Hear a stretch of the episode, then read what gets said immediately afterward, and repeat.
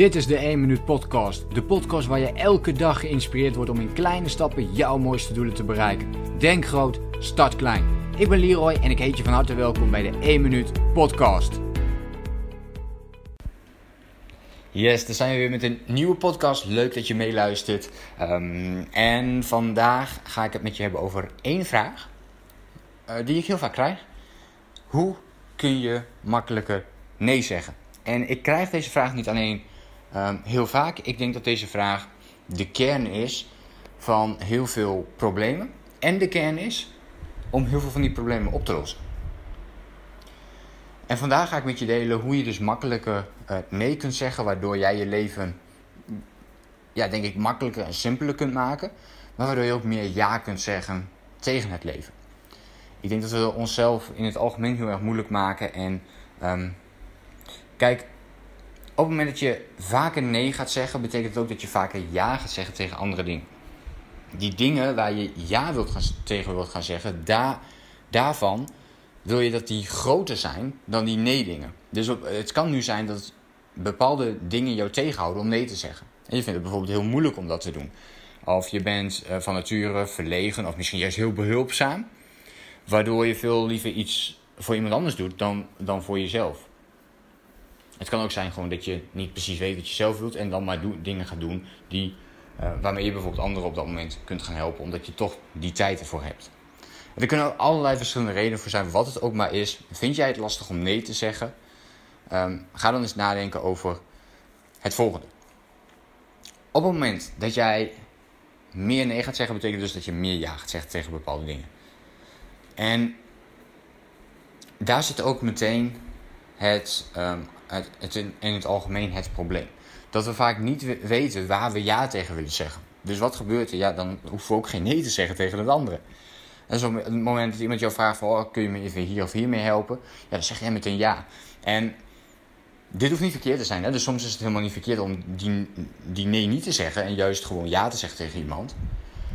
Maar je moet je er wel heel bewust van zijn dat elke keer dat je ja zegt tegen iemand anders, dat het ook een nee kan zijn richting je eigen leven. En dat je dus wordt geleefd door de plannen van anderen in plaats van je eigen plannen.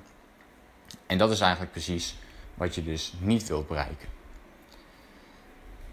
Het kan daarbij helpen om je doelen heel helder te hebben. Dus dat zou ook mijn allereerste uh, tip in deze zijn. Wil jij makkelijker nee zeggen? Zorg ervoor dat je heldere doelen hebt en dat je weet waar jij je tijd aan wilt besteden. En op het moment dat je dat hebt, dus oké, ik zal even kijken of ik je zo uit mijn hoofd tijdens deze podcast een voorbeeld kan, uh, kan bedenken. Maar nou ja, laat, ik, laat ik een voorbeeld pakken vanuit mijn eigen situatie. Mijn omgeving vindt het vaak veel belangrijker om bepaalde sociale dingen te doen dan dat ik dat doe. Nou, nu weet ik dat ik daar wel vrij extreem in ben ook. Maar dat is wat het is. Dus mijn omgeving vindt het heel leuk om bijvoorbeeld um, iedere keer wel naar alle verjaardagen te gaan. Of die vinden het heel belangrijk dat je ook op een verjaardag bijvoorbeeld komt. Of dat je bij een bepaalde um, sociale activiteit ook aanwezig bent. Ja, en ik zit daar eigenlijk niet altijd op te wachten. Dus wat ik dan doe, is dat ik daar vaak nee op zeg. En waarom zeg ik daar dan nee op? Omdat ik andere dingen vaak belangrijker vind. En een van die dingen die ik daarin belangrijker vind, is dat ik uh, gewoon veel tijd voor mezelf wil hebben. Het uh, je zou kunnen zeggen veel vrijheid. Je zou kunnen zeggen veel um, onafhankelijkheid. En dat is iets wat ik heel belangrijk vind. Dus het is niet bijvoorbeeld dat ik dan nee zeg, maar wel dat ik zeg van joh, reken er niet op dat ik kom. Kom ik wel, dan, dan is het ook prima. Maar ik wil die vrijheid daarin hebben. Het is even een voorbeeld hè, die, ik, uh, die ik noem. En die bij mij ook door de loop van de jaren ja, weer kan veranderen. Waardoor ik er misschien wel, wel meer of minder ga doen. Maar dat is hoe het bijvoorbeeld nu bij mij is. Dit is een heel praktisch voorbeeld. Waarin dus mijn doel is om meer tijd voor mezelf te hebben. Zodat ik bepaalde doelen kan gaan bereiken. En dat kan dus zijn op businessgebied. Dat kan zijn uh, dat je meer tijd wilt hebben voor, voor je eigen gezondheid. Dat je daar ja, meer tijd voor wilt hebben om dat te doen. Het kan zijn dat je even niet lekker in je vel zit en dat je juist meer tijd voor ontspanning wilt hebben. En ja, je hebt, bent erachter gekomen, die sociale dingen die geven jou dat juist niet. Wat het ook is, je wilt er dus voor zorgen dat die doelen belangrijker zijn dan de doelen of de verwachtingen van je omgeving. En daarom vind ik het persoonlijk dus heel belangrijk om met doelen te werken. Dus dat betekent niet dat je allemaal doelen helemaal hoeft vast te zetten. Maar dat je dus wel doelen stelt die jou zo motiveren, die jou zo inspireren. Dat jij nee gaat zeggen tegen die andere dingen. En dat is wat je um, moet voelen van binnen. Dat dat op dat moment belangrijker is. Dus op het moment dat iemand weer iets aan jou vraagt om te gaan doen. En jij staat op het punt om dat wel te gaan doen.